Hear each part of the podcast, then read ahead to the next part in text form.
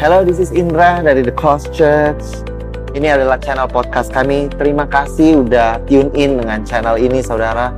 Kami berharap bahwa setiap message kami dapat membukakan lebih siapa Tuhan, saudara, dan Injil kasih karunia dan apa yang Yesus sudah lakukan di kayu salib kiranya membebaskan kehidupan saudara di dalam nama Yesus. Enjoy the message. God bless you. I just wanna uh, I wanna start uh, dengan dua minggu terakhir ini Pastor Julian Chong uh, has been sharing the word of God about giants as our bread, saudara. Can we give him um, a round of applause yang lebih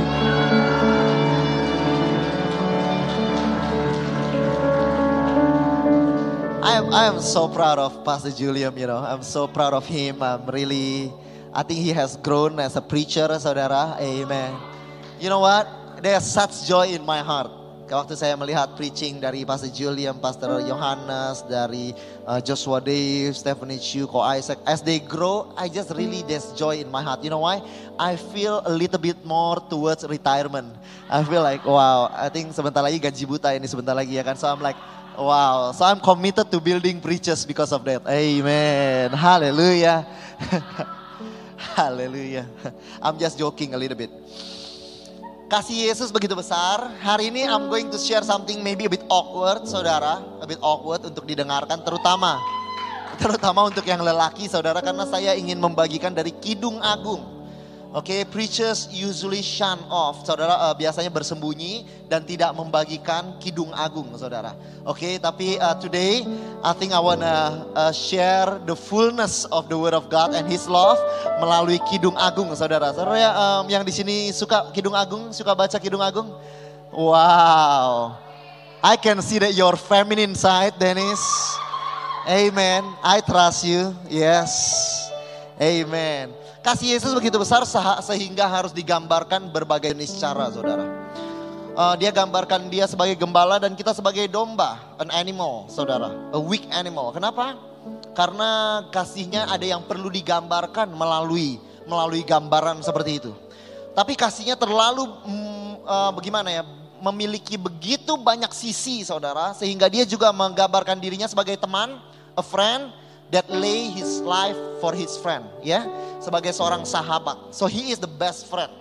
Um, dia gambarkan juga dirinya sebagai father to a child, seorang ayah kepada anaknya, saudara. Karena kasihnya begitu dalam. Tapi juga saudara dia nggak menggambarkan um, dirinya sebagai mempelai pria, saudara, mempelai pria kepada mempelai wanita, saudara. Amen. Do you just love God that even to explain His love, He needs all these pictures karena his love is too deep and too wide for you. Amen, Jacqueline. Hallelujah. God bless you. Um, there's glory in your life. Amen. Hallelujah. There's something gonna happen in your life with your husband. Boleh kenalin siapa husbandnya? I don't, I don't know your husband. I just feel that you're gonna go into a next season um, dengan ease, oke, okay? ada ease. You're not going to apa um, strive towards it. It's gonna be ease in Jesus name. Oke, okay, um, jadi um, di Efesus 5 ayat ke-32 setelah Tuhan setelah Paulus menjelaskan tentang husband and wife, lalu dia berkata rahasia ini besar. Ini dia padahal lagi berbicara mengenai husband and wife. Tapi yang aku maksudkan ialah hubungan Kristus dan jemaat. Lalu dia berkata demikian. How amazing it is. Saudara perlu tahu bahwa ketika Tuhan ciptakan domba, Tuhan ciptakan domba, ketika Tuhan ciptakan um, um, parent, uh, parent, parent apa uh, parenting saudara apa ayah memiliki seorang anak and all that saudara seorang suami memiliki seorang istri tujuan utama Tuhan menciptakan itu semua adalah untuk menjelaskan kasih Yesus kepada kamu tentu untuk kamu nikmati pernikahan tapi lebih lagi ini adalah mengenai Kristus dan jemaat oke okay? Because he wants to explain it all to you. Di Kidung Agung saudara ditulis oleh seorang raja yang bernama Salomo, the greatest king dalam kekayaan, di dalam kemuliaan yang pernah hidup saudara. Salomo menuliskan kepada se seorang country girl. Wow, this is country girl yang he likes saudara, yang dia cintai saudara. Dan mereka bertunangan, saudara. Mereka bertunangan dan di Kidung satu dimulai dari cerita cinta mereka sampai mereka masuk ke dalam Kidung Agung 4 ya terjadi pernikahan mereka saudara. Pernikahan and consummation saudara. Seks di malam pertama. Haleluya. Itu adalah akhir daripada Kidung Agung 4. Siapa di sini yang baru menikah? Yang baru menikah? Haleluya. Amen. Ada pernikahan, ada seks malam pertama. Amen. Haleluya. Untuk yang uh, Haleluya, God bless. Kenapa ada yang excited banget ketika ngomong seks di malam pertama? Um, jadi untuk saudara yang pria, this is for you too. You need to know the side of your life that you need to be a bride. If you are too manly for that, I'm sorry, but this is God's picture of you. Seperti ketika um, uh, father usually kalau di dalam firman Tuhan perjanjian baru ngomong soal anak biasanya ngomongnya sonship sonship, saudara. Oke, anak lelaki, saudara. Bukan karena Tuhan seksis, tapi ada banyak yang Tuhan uh, sonship itu soalnya biasa yang inherit pada zaman itu yang mewarisi. So he need to talk about sonship.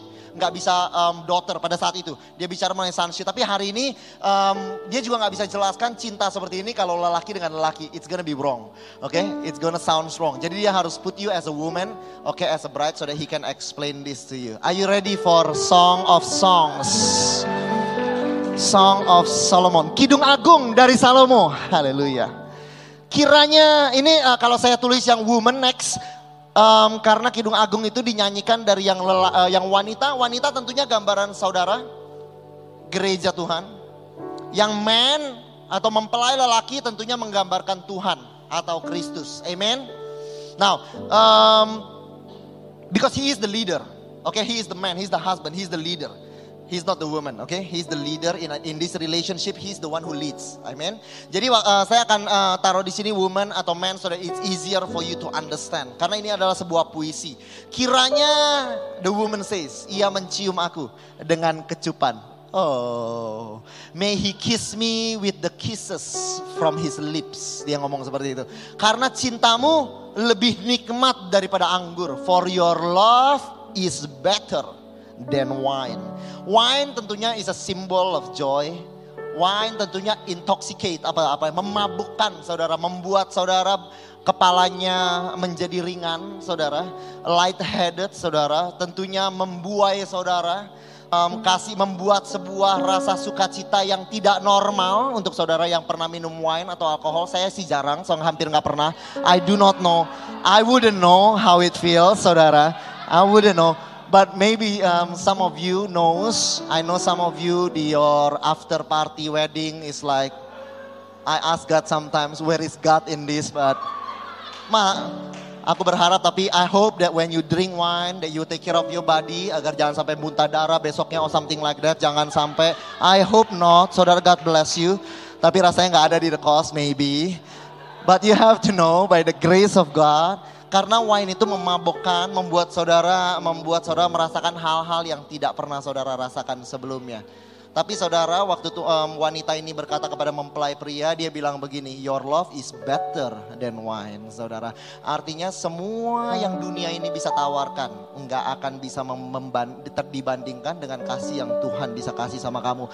If only you feel and you taste the love of God, other things is going to be shadow, saudara. Rasanya akan tawar because God loves is better than one. Amen. Yang cowok-cowok yuk feminim side-nya keluarin. Thank you Jesus. You feel it. Jangan malu-malu ya kalau nangis ya kan. Haleluya. I love Song of Solomon saudara. Memang hitam lalu yang wanita bernyanyi memang hitam aku katanya. Memang hitam aku. Tetapi cantik.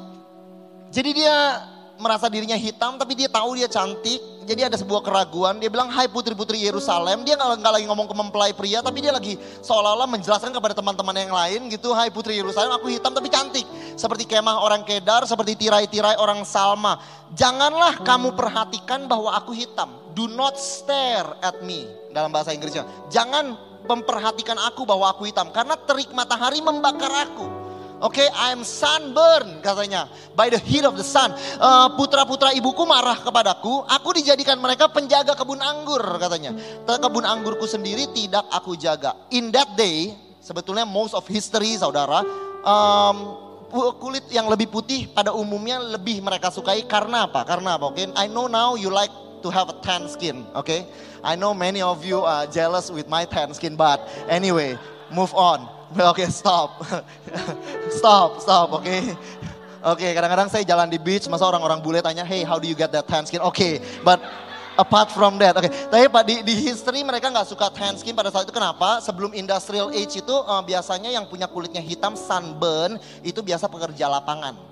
Makanya yang cewek seperti dia bilang dia harus kerja di kebun anggur. Artinya dia uh, social level mereka lebih rendah, mereka lebih poor, mereka lebih um, lebih, lebih miskin dan mereka biasanya nggak kaya. Biasanya yang kaya bisa on, uh, di, tinggal di rumah mereka dan dijaga oleh suaminya. Tapi biasanya dia of poor social uh, poor social level, saudara. Nah, jadi um, cewek ini bilang um, uh, she feel desirable, saudara. Dia feel beautiful, tapi dia bilang dia sunburn. Jadi jangan perhatikan, do not stare at me.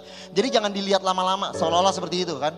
Oke, dia bilang seperti itu. Lalu yang pria mulai bernyanyi. Dia bilang gini, jikalau engkau tidak tahu, if you yourself do not know, most beautiful amongst women. Jadi waktu wanita ini bilang, jangan perhatikan aku lama-lama. Eh, pria itu bernyanyi, you are most beautiful amongst women. And he continues seperti ini, how beautiful, Yahweh, how beautiful you are my darling. How beautiful you are, your eyes are like doves. Jadi wanita ini bilang dia bilang dia hitam kebakaran, saudara kebakaran, kebakaran matahari, saudara kebakar matahari. Dia bilang dia miskin, tentunya dia work in a farm. Dia dia sampai jelaskan saya ini hitam ini karena I work in a farm. Tapi when the woman thought bahwa she wasn't so perfectly beautiful, jadi jangan diliatin lama-lama. The man said bahwa you are most beautiful. How beautiful, saudara. Jadi saudara waktu saudara pikir bahwa you are not beautiful in front of God, not talented enough, saudara bahwa engkau kurang kudus di hadapan Tuhan, engkau gelap, engkau tidak layak, jangan liatin kamu. Tuhan bilang, what are you talking about? I look at you and I think you are most beautiful. Do not stare at me, jangan diliatin. Tapi dia bilang, matamu seperti merpati artinya apa? God is staring at her, saudara. Jadi justru engkau diliatin dan God says, when I look at you, I see your eyes, I see you are the most beautiful saudara. Boleh kita beri kemuliaan pada Tuhan. How amazing. Lalu dia bilang gini, lalu dia bilang seperti ini. Eh, kadang-kadang kita datang waktu kita dengar kata pujian. Oke, mari kita datang ke rumah Tuhan dan kita, um, uh, uh, untuk puj- menyanyikan pujian. Apa yang kita pikir? Kita memuji Tuhan. Tapi saudara perhatikan bahwa pujian ini bukan masalah kita memuji Tuhan. Bukan mempelai wanita memuji mempelai lelaki. Tapi mempelai lelaki memuji back. Mempelai lelaki memuji mempelai wanita. So when we say praise, saudara, you have to know it is not only us praising God, tapi can you allow God praising you? Because God wanna sing about your beauty in Christ. He wanna sing about how good you are and how beautiful you are, how perfect you are. God praise, sing His praises over you, saudara.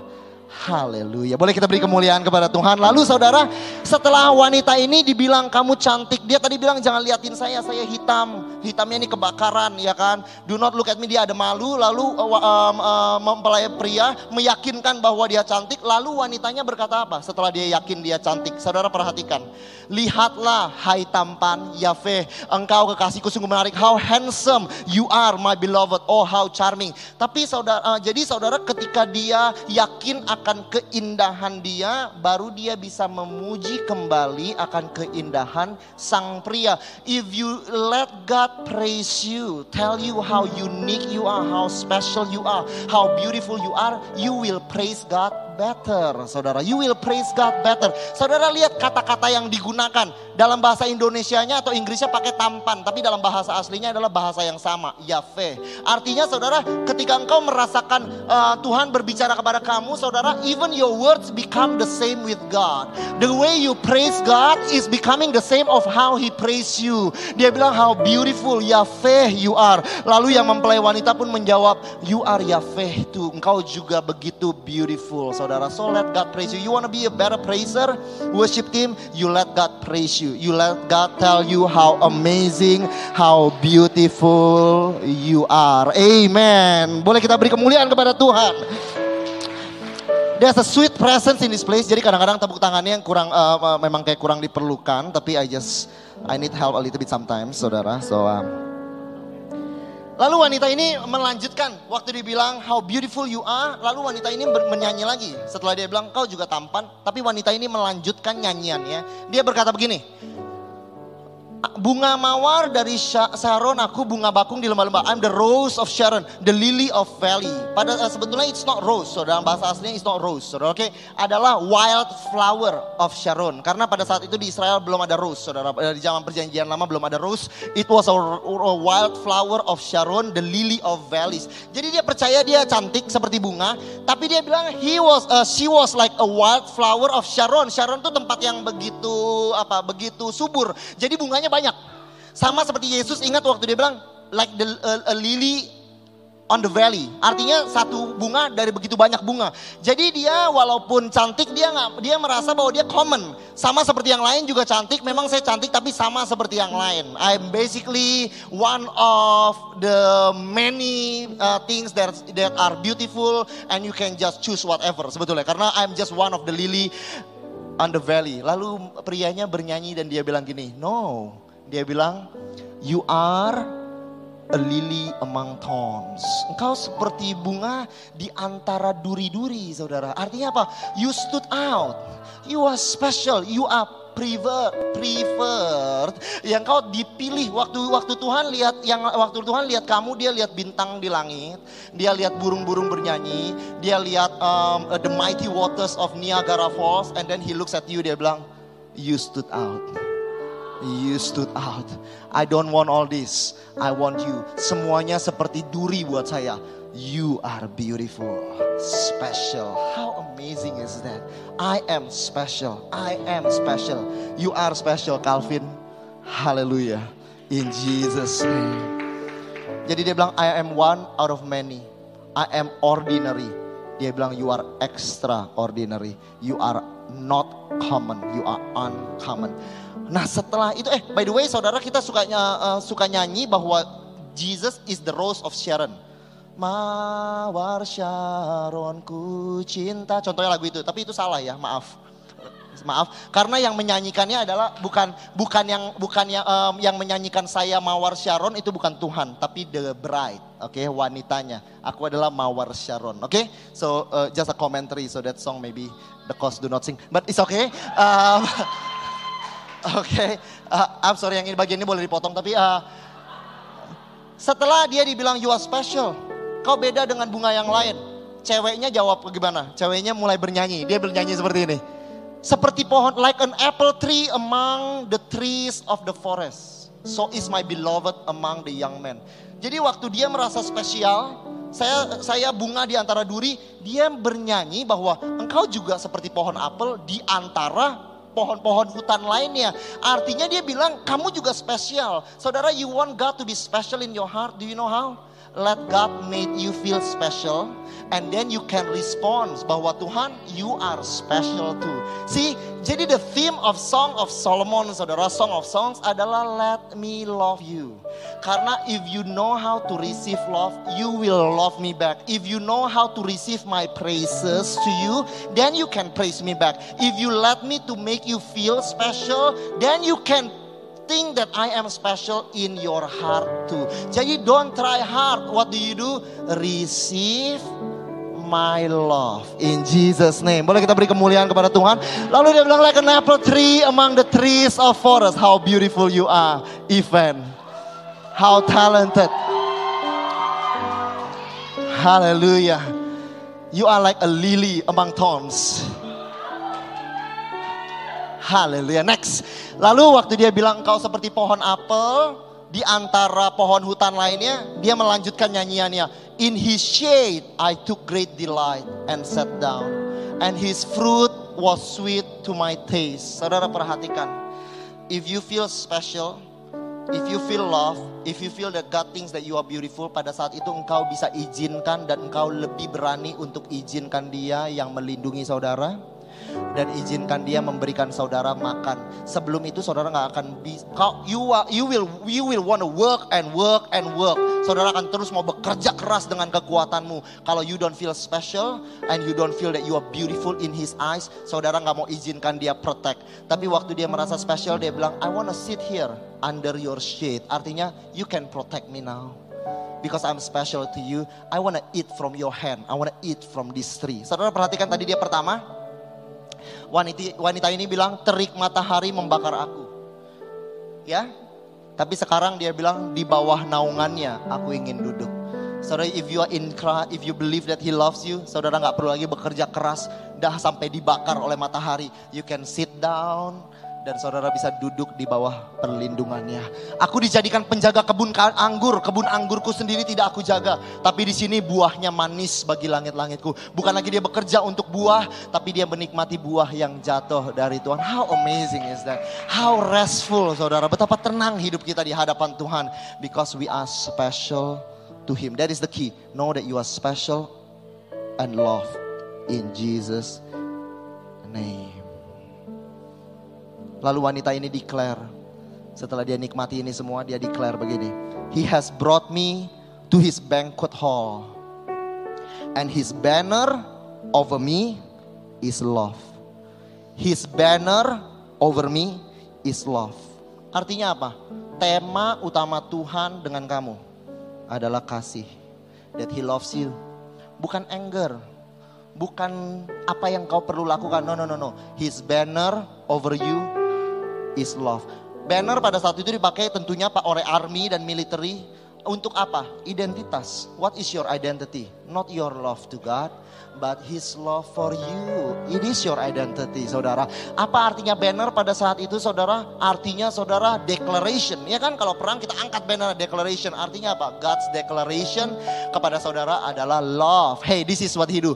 I love you. He declares love upon love upon love. It is a banner dan dia punya banner adalah banner yang dia punya love is a loud love, saudara.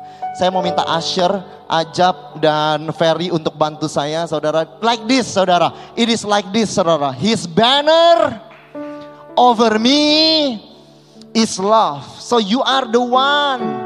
Jesus love, saudara. I want to show you something, saudara. Hey, hallelujah. The ushers is going to um, bring something from the back. Ayo, boleh lebih cepat. Jangan ragu-ragu. Thank you, Jesus. Hey, Ajab going to take picture of you, okay? Pastor Yohanes, boleh kita beri tepuk tangan dulu for Pastor. I want to tell you, uh, okay, he is such a multi-talented uh, person. A great photographer, a pastor, a great husband, amen. Someone who eats well, amen. Amen. Okay. Jadi saudara, when God says his banner over you is love. It's like this. There is a banner flying over your head. And it, the writing is you are the one Jesus loves. Okay, this is what it happened. Okay, sekarang foto. Okay. Lampu di belakang boleh dimatiin yang sorotnya. So this is the banner, saudara. You are the one. Bukan yang itu, lampu yang belakang. Ininya boleh dinyalakan, lampu house light, tapi yang itu, oh ya. You are the one Jesus loves, saudara. So there's a banner over you, saudara. Hallelujah. You are the one Jesus love. You are the one Jesus love. You are the one. Setiap saudara, saya mau saudara renungkan ini. Bahwa di atas kepalamu ada sebuah banner. Banner itu bukan berkata hakimi dia. Banner itu bukan berkata engkau buruk. Banner itu bukan berkata engkau kurang. Banner itu bukan berkata engkau jelek. Banner itu bukan berkata do more. Banner itu bukan berkata come to church more. Banner itu bukan berkata hal-hal yang lain. That you are guilty and that you are not enough. Tapi that banner says that you are the one Jesus love. Boleh kita beri kemuliaan kepada Tuhan?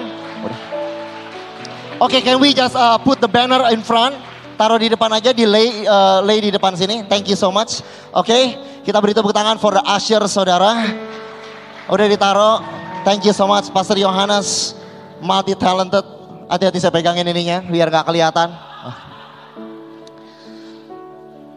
So that is God's banner. Jadi kalau saudara merasa ada suara yang keras berkata bahwa engkau engkau guilty, engkau uh, dia angry, dia dia lagi mau menghukum. I don't know whose voice it is, tapi definitely it's not God's de declaration over you. Karena God's declaration over you is that you are love, that His banner over you is love in Jesus name. Next, oke okay, boleh kita beri tepuk tangan lalu kita Saudara, setelah wanita ini bilang your banner over me is love, lalu wanita itu bernyanyi begini. Segarkan aku dengan buah apel, sebab sakit asmara aku. Refresh me with apples. Tadi siapa ya pohon apelnya adalah Tuhan. Dia bilang because I am love sick. Saudara mau jatuh cinta sama Tuhan? Semua pastor maunya engkau jatuh cinta militan. Mereka pakai banyak kan kita pakai kata militan, radikal. You want to be love sick to God? You know how to do that? Let His banner, His love over you, saudara. Karena if you know that His banner over you is love, this is your response. But I am love sick. I am sick with love, saudara. Kalau saudara pernah jatuh cinta sampai sakit rasanya, saudara, mempelai wanita ini merasakan hal yang sama, saudara dan dia dan we will feel the same kalau kita izinkan that he banner us with his love saudara. It is not and never about your love for God. It is always about his love for you. Come to church more. No he say I love you. If he wants you to come to church more this is why he say I love you. I love you. I love you. And make you love sick. Buat saudara Tuhan itu kan seperti mempelai eh, lelaki yang yang pintar. Dia tahu bagaimana cara menarik engkau eh, dekat dengan hatinya. Amin. Amen. Mari kita beri kemuliaan kepada Tuhan. Kita kita I need to I need to go faster. Okay? I need to go faster. Dengarlah kekasihku. Listen my beloved, beloved, behold, he is coming. Jadi wanita itu bilang, he is coming. Dia lihat mempelai lelakinya datang climbing on the mountains, leaping on a hill. Jadi waktu Tuhan mempelai lelaki mau bertemu dengan mempelai wanita, dia nggak kayak not excited. No, he is leaping saudara. Dia meloncat-loncat seperti kijang saudara. Tuna, today waktu saudara lagi nyetir ke gereja, some of us are grumbling, macet banget sih gitu kan. Tapi you know what God does? He was leaping. Dia meloncat-loncat. He was leaping on the hill saudara. Kenapa? In the prospect of meeting you, he dance saudara. Dia menari-nari. Oh how beautiful you are Mirion. Dia menari-nari saudara. So when you, waktu saudara meloncat loncat-loncat tadi waktu praise and worship, you know who is jumping as well. It was God. Kenapa? Karena when He looks at you, saudara, His heart is filled with excitement. Dia berkata, arise my darling. Waktu dia udah ketemu dia bilang, arise my darling, my beautiful one. Come along, oh my dove, in the cleft of the rock, in the secret place of the steep pathway. Let me see your form, your face. Let me hear your voice, for your voice is sweet, your form is lo uh, is lovely. Artinya apa? Waktu uh, yang uh, mempelai pria ini datang, udah mau ketemu dia bilang dia udah meloncat-loncat ingin ketemu, tapi wanita ini malu-malu dan sembunyi ya di cleft of the rock. Artinya di sebuah di sebuah uh, apa a gap in the rock, saudara dia apa celah di celah batu dia sembunyi lalu uh, mempelai prianya bilang kenapa malu? Ayo sini. Lalu dia bilang gini, kenapa? Karena perlihatkanlah wajahmu, pendengarkanlah suaramu, merdu suaramu, elok wajahmu. Artinya apa? He wanted to feast his eyes and feast his ears dengan muka dan dengan dan dan, dan eh, dengan wajah dan dengan suara dari wanita itu. Dia ingin berpesta dengan melihat saudara dan dengan mendengarkan suara. I know my voice might be criticized in this church when I sing. But when God hear the first word that I say, your love, God is like, how beautiful is your voice. Amen.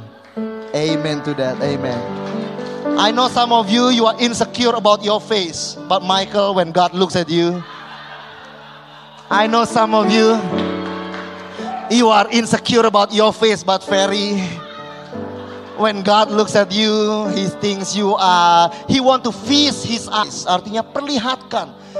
Oke, okay? in more serious note, saudara. Kadang-kadang kita datang ke gereja malu. Kita berasa kita masih ada dosa, kita nggak berani datang. Kita masih berasa kurang. I'm not a good husband, I'm not a good wife, I'm not a good mom, I'm not a good dad.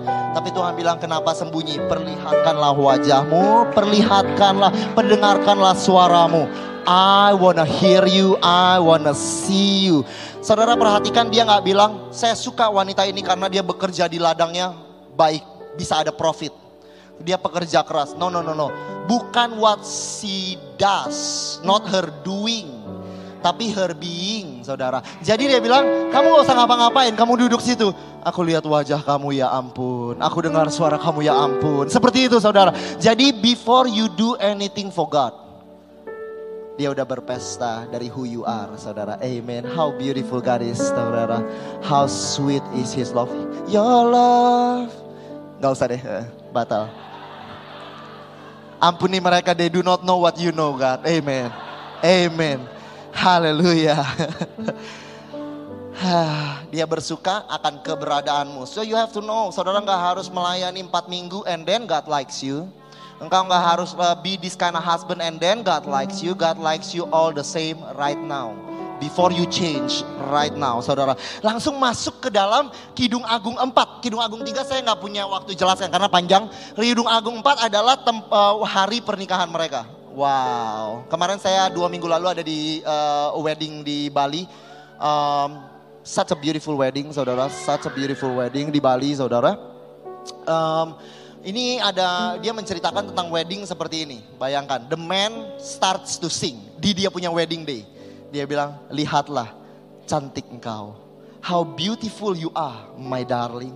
How beautiful you are." Your eyes are like doves behind your veil. Saudara lihat kalau Tuhan mempelai wanita uh, lelaki ini berbicara mengenai the beauty of the girl, dia katakannya dua kali.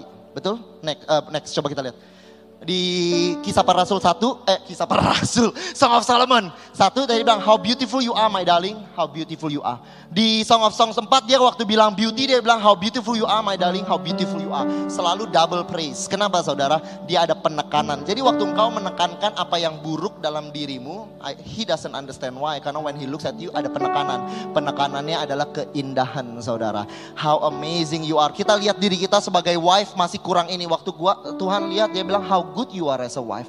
What you have done right Tuhan akan bilang sama kamu. Jadi what you have done right as a pastor, Chong, that's what God sees dan dia repeat dua kali. There is an emphasis of how good you are. Terus saudara lihat di kisah para rasul satu uh, mempelai pria memuji wanita ini. Di kisah para, uh, di kisah para rasul Song of Solomon dia puji wanita ini. Di Song of Solomon 4 dia puji lagi wanita ini. Artinya he praise you yesterday, today he wanna praise you again. Tomorrow he wanna praise you. He wanna keep singing on his love and how beautiful you are yesterday, today and forever, saudara. He will lavish you. Dia akan dengan murah hati akan memberikan saudara puji-pujian, saudara. How beautiful you are, my darling.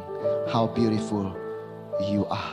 Jadi kalau saudara udah menikah, bahkan kepada teman, kepada bawahan, kepada kepada orang yang melayani di bawahmu. Remember, words are very important. Use your words untuk membuat the the person feel good about them, you know, not feel bad about themselves. Okay? feel good about them.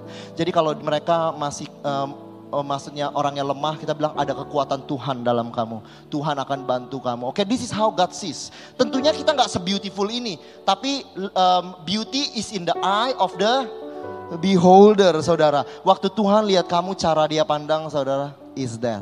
Amen. Waktu dia bilang how beautiful, bukan general. Just general, capek Tuhan, how beautiful, how beautiful, I love you, I love you, I love you. No, nggak seperti itu. Oke, okay? nggak, ini gereja ngomongnya grace-grace dong ya, nggak kayak gitu kali ya kan. It is specific. Coba lihat cara dia ngomong, oke. Okay?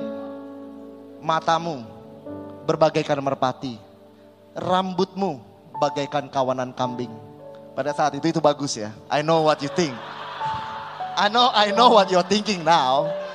Tapi waktu saya lihat Alin, saya lihat rambutmu seperti kawanan kambing. Bak yang bergelombang, haleluya.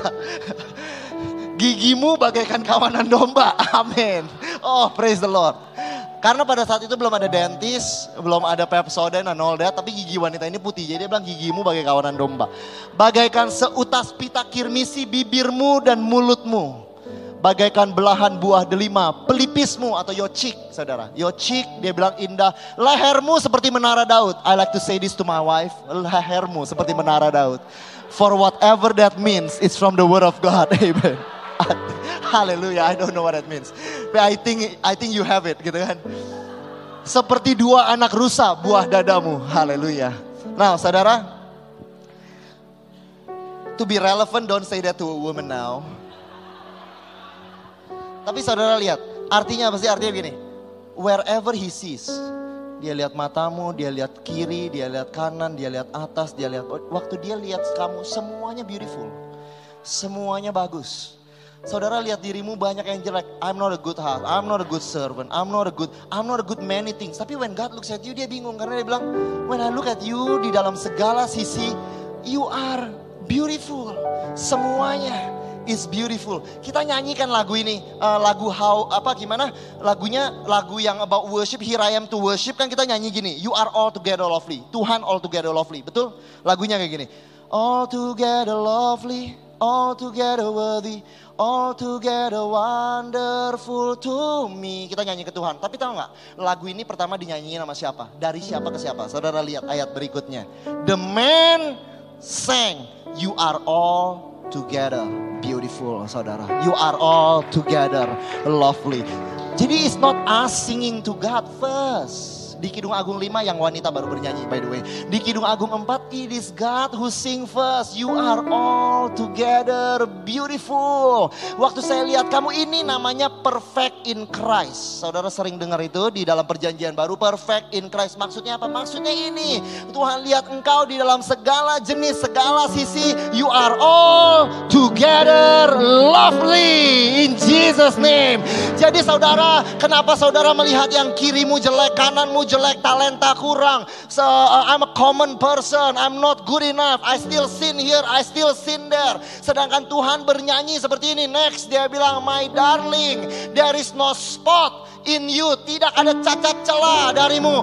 Kenapa engkau terus menerus berkata mengenai apa yang celah dari dirimu? When I look at you, tidak ada cacat celah. Kenapa? The spotless lamb, darahnya telah tercurah. In Christ you are spotless, saudara. You are spotless, you are perfect. When God looks at you, ketika kita sibuk melihat cacat celah, dia lihat keindahan. Kita sibuk berbicara mengenai saudara kecelah kita. Tuhan sibuk berbicara mengenai how beautiful, how righteous, how amazing, how talented, how unique, and how special you are in Christ in the name of Jesus.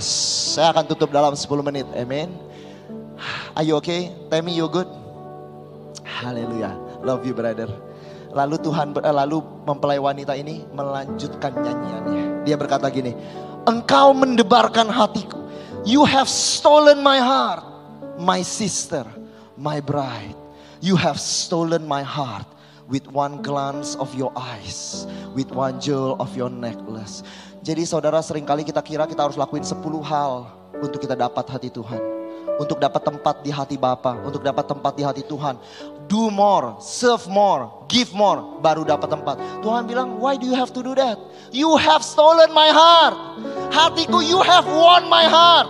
My heart is already yours to start with. You don't have to do ten things sebelum you have my heart. Even now, you have stolen my heart, saudara. Dia tidak susah untuk didapatkan hatinya, justru engkau sudah memenangkan hatinya. Tapi kalau saudara mau buat dia tambah berdebar, tahu caranya? Tahu caranya? Seperti ini. Engkau men back, engkau menebarkan hatiku dengan satu kejapan. Jadi kamu waktu lihat Tuhan malam eh, sehari ini waktu engkau datang mau worship, and then you set your heart upon Jesus kan, you see Him. Pada saat itu Tuhan, you have stolen my heart again, darling. When you fix your eyes upon Jesus, jadi nggak 10 jam ministry, nggak harus jadi leader. No, no. When you look at God like God, Jesus, you see Jesus, hatinya berdebar tambah kencang, saudara. Boleh kita beri kemuliaan kepada Yesus.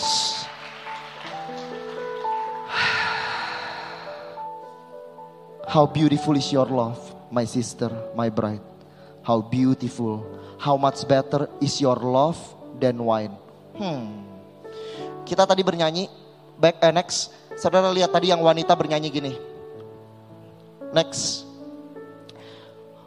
Your love is better than wine. Di Kidung Agung 1 ayat 2, ingat dimulainya kita bilang Tuhan kasihmu lebih baik daripada anggur. Tapi saudara lihat di Kidung Agung 4. Tuhan juga bernyanyi, kasihmu juga lebih indah daripada anggur buat Tuhan. When you love God, you know, He feels like the stars doesn't matter. He looks, uh, he, he, he, he thinks that the birds doesn't matter. What he wants is your love better than wine. Tapi saudara perhatikan, yang pertama rasakan kasih lebih daripada anggur siapa? yang yang wanita. Wanitanya terlebih dahulu bilang, aduh cintamu enak banget, lebih nikmat dari anggur. Jadi saudara, if you let God love you enough, akan ada waktu, akan ada waktu. di mana you will love God, sampai Tuhan bisa bilang, wow, but your love is also better than wine. Tapi you let God make you feel first. Izinkan Tuhan buat saudara merasa dikasihi dengan kasih yang begitu intoxicating yang buat saudara kepalanya sampai hun-hun. Hah? Sampai light headed saudara. Saudara izinkan Tuhan kasihi saudara seperti itu. Dari situ baru saudara akan mengasihi Tuhan. Dan Tuhan kepalanya juga hun-hun. But your love is also better.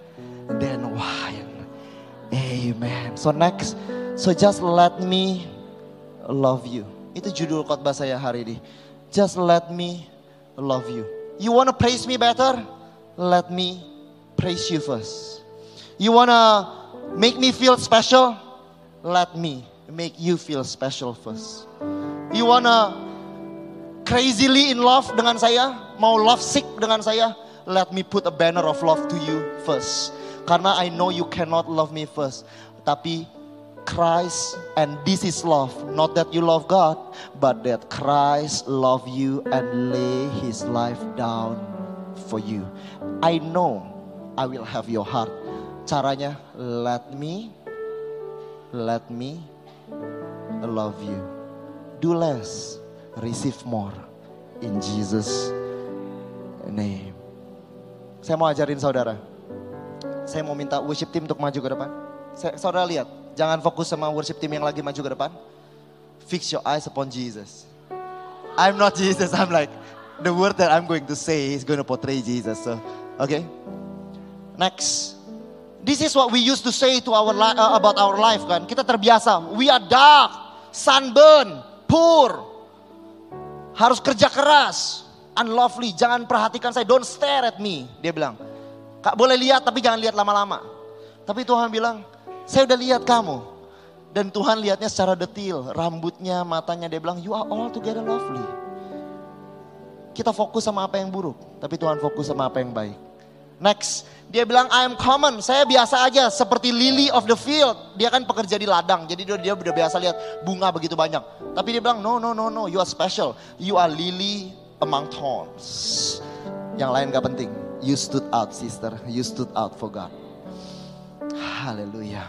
Next, the judul daripada buku ini adalah Song of Songs. Artinya apa? Kalau kita ngomong King of Kings, artinya dia adalah raja yang paling tinggi. Kalau kita ngomong, kalau kita bilang Holy of Holiest, artinya apa? Maha Kudus. Artinya kudus, tempat kudus yang paling tinggi. Benar? Jadi waktu dia bilang Song of Songs, artinya ini adalah lagu yang paling tinggi. And what is it? It is his love songs to you. Salomo tulis lagu lebih dari seribu. Oke, okay? dibilang di Tawarih atau Raja-Raja. Salah satu itu dia bilang dia menulis lebih dari seribu lagu. Tapi hanya satu lagu. Satu lagu panjang yang masuk yaitu Song of Songs. Because this song is about Christ's love for you. That is the best song. I know you like to sing love songs to God. It is beautiful. For him it is better than wine. But you know what is the best song? It is his song for you. He created this song. He put it. Dia turunkan ribuan tahun so that he can tell you what he feels about you. You want to respond to God? Please do. But receive more and let him let him love you.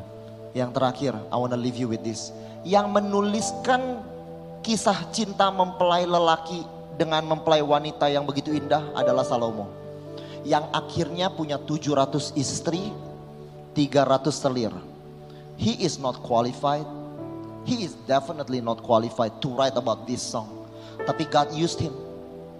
Saya juga gak ngerti why God used Abraham jadi bapak iman. Kalau dia lahirkan Ismail. Kenapa Daud menjadi a man after God's own heart? Kalau dia yang menghamili Bathsheba dan dia bunuh suaminya. I do not, I sama gak ngertinya dengan saudara. I as, I am as clueless dengan saudara. Tapi yang I know, this is what God wanna say dari dulu sampai sekarang. It is not about how worthy you are, how good you are, how loving you are to me. It is always about how loving I am to you and I'm going to make you worthy. Saya yang akan layakkan kamu. I will use you. You're not gonna use yours. I am going to do this. It's not about how you love me, but how I love you. It's gonna make you amazing in Jesus.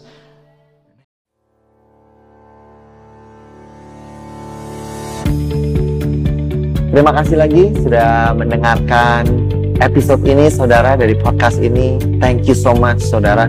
Saya berharap bahwa Injil kasih karunia dan apa yang Yesus sudah lakukan bisa membebaskan kehidupanmu saudara.